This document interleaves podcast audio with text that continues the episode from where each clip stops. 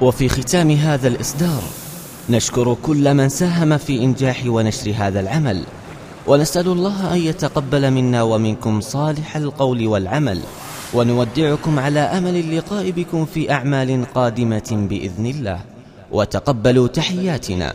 كان معكم من التقديم إبراهيم الصوينع ومن الهندسة الصوتية عبد الله العبد اللطيف والسلام عليكم ورحمة الله وبركاته.